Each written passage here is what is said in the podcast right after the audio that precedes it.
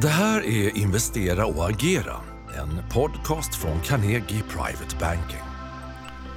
Hej, det är torsdag den 20 augusti. Klockan är lite drygt halv tre. Ni lyssnar på mig, Peter Nilsson från investeringsteamet här på Carnegie Private Banking. Idag ska vi prata lite om marknadsläget och om hur vi positionerar oss inför hösten. Om vi då börjar lite med marknadsläget så kan vi konstatera att vi generellt sett fortsatt har eh, positiva börser. Har haft det under sommaren också. Det var lite vinsthemtagning i slutet på juli men annars har trenden i princip varit, varit uppåt. Eh, precis som det har varit sedan i slutet på mars. Och man kan ju undra varför då, då? Eh, och det är väl som vanligt flera anledningar till det här.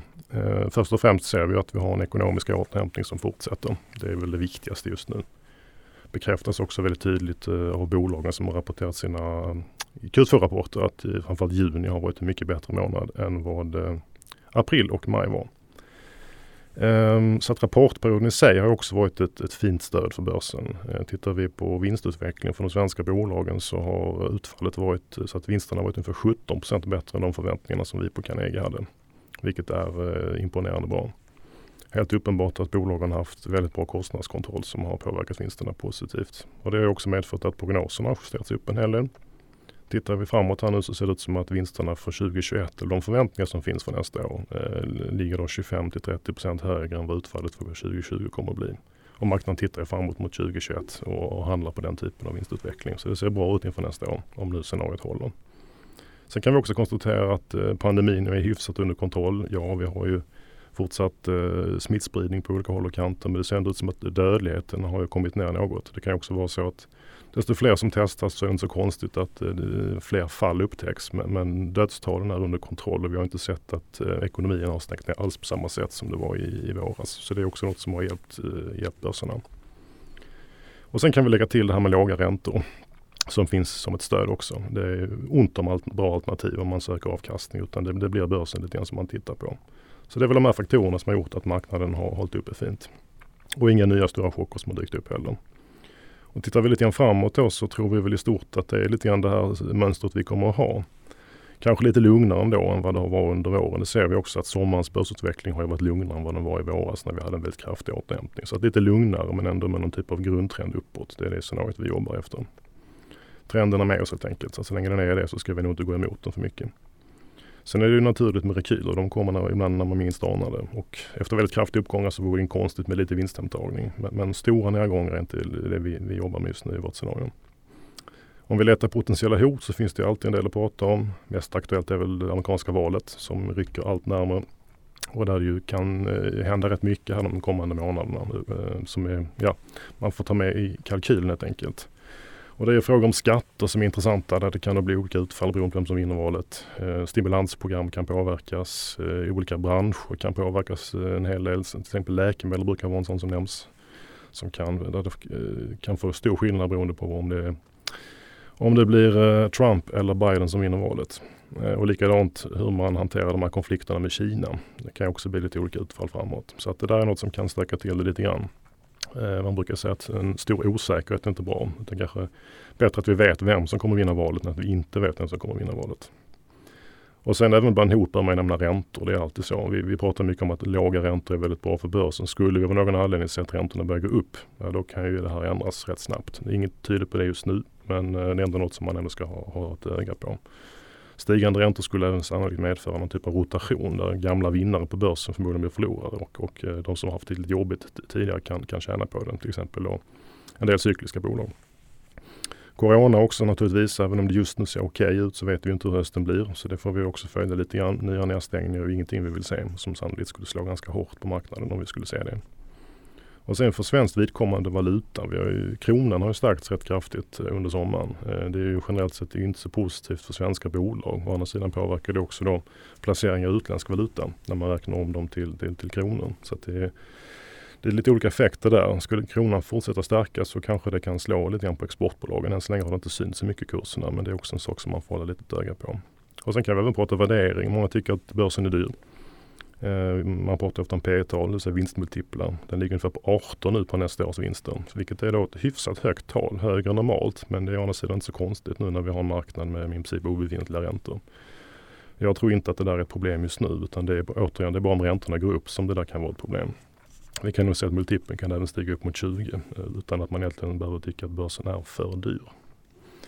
Så pratar vi då om en liten positioneringen här så har vi i nuläget en, en svag övervikt mot svenska aktier. Eh, och det är tack vare att då andelen har gått upp i takt med att vi har haft positiv kursutveckling och vi väljer att ligga kvar med den. Vi säljer inte av några svenska aktier i nuläget. Vi är neutrala på utländska aktier. Kikar vi på räntesidan, där har vi varit väldigt positiva under våren till krediter, framförallt det som kallas för investment grade. Där tycker vi nu att det kanske börjar se lite fullvärderat ut. Det har varit en fantastisk sommar för krediter. Så vi funderar just lite grann på vad vi ska göra med de, de placeringarna och vad man kan hitta för alternativ till det. Och sen alternativa tillgångar är alltid bra med en portfölj tycker vi. Guld är ju ett sånt som vi har pratat om som en bra hedge i en portfölj. Har också klarat sig väldigt bra på egen, egna meriter här under, under sommaren.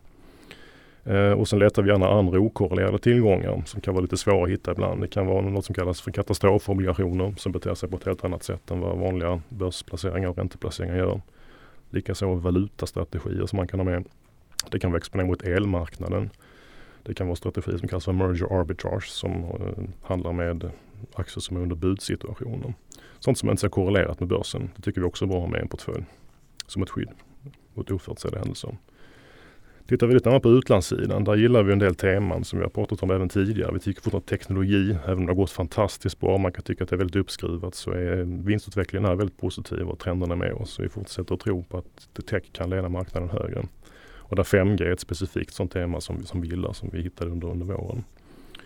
Vi har en hel del placering mot ny energi också. Där också strukturella trender talar för att det kan bli eh, bättre tider helt enkelt. Samma sak med hållbar mat. Och även läkemedelssidan tycker vi fortsatt är intressant. Där har vi ju demografin med oss också. Om vi går över lite grann på svenska aktier då, så där fokuserar vi mycket mer på enskilda bolag än, än sektorer.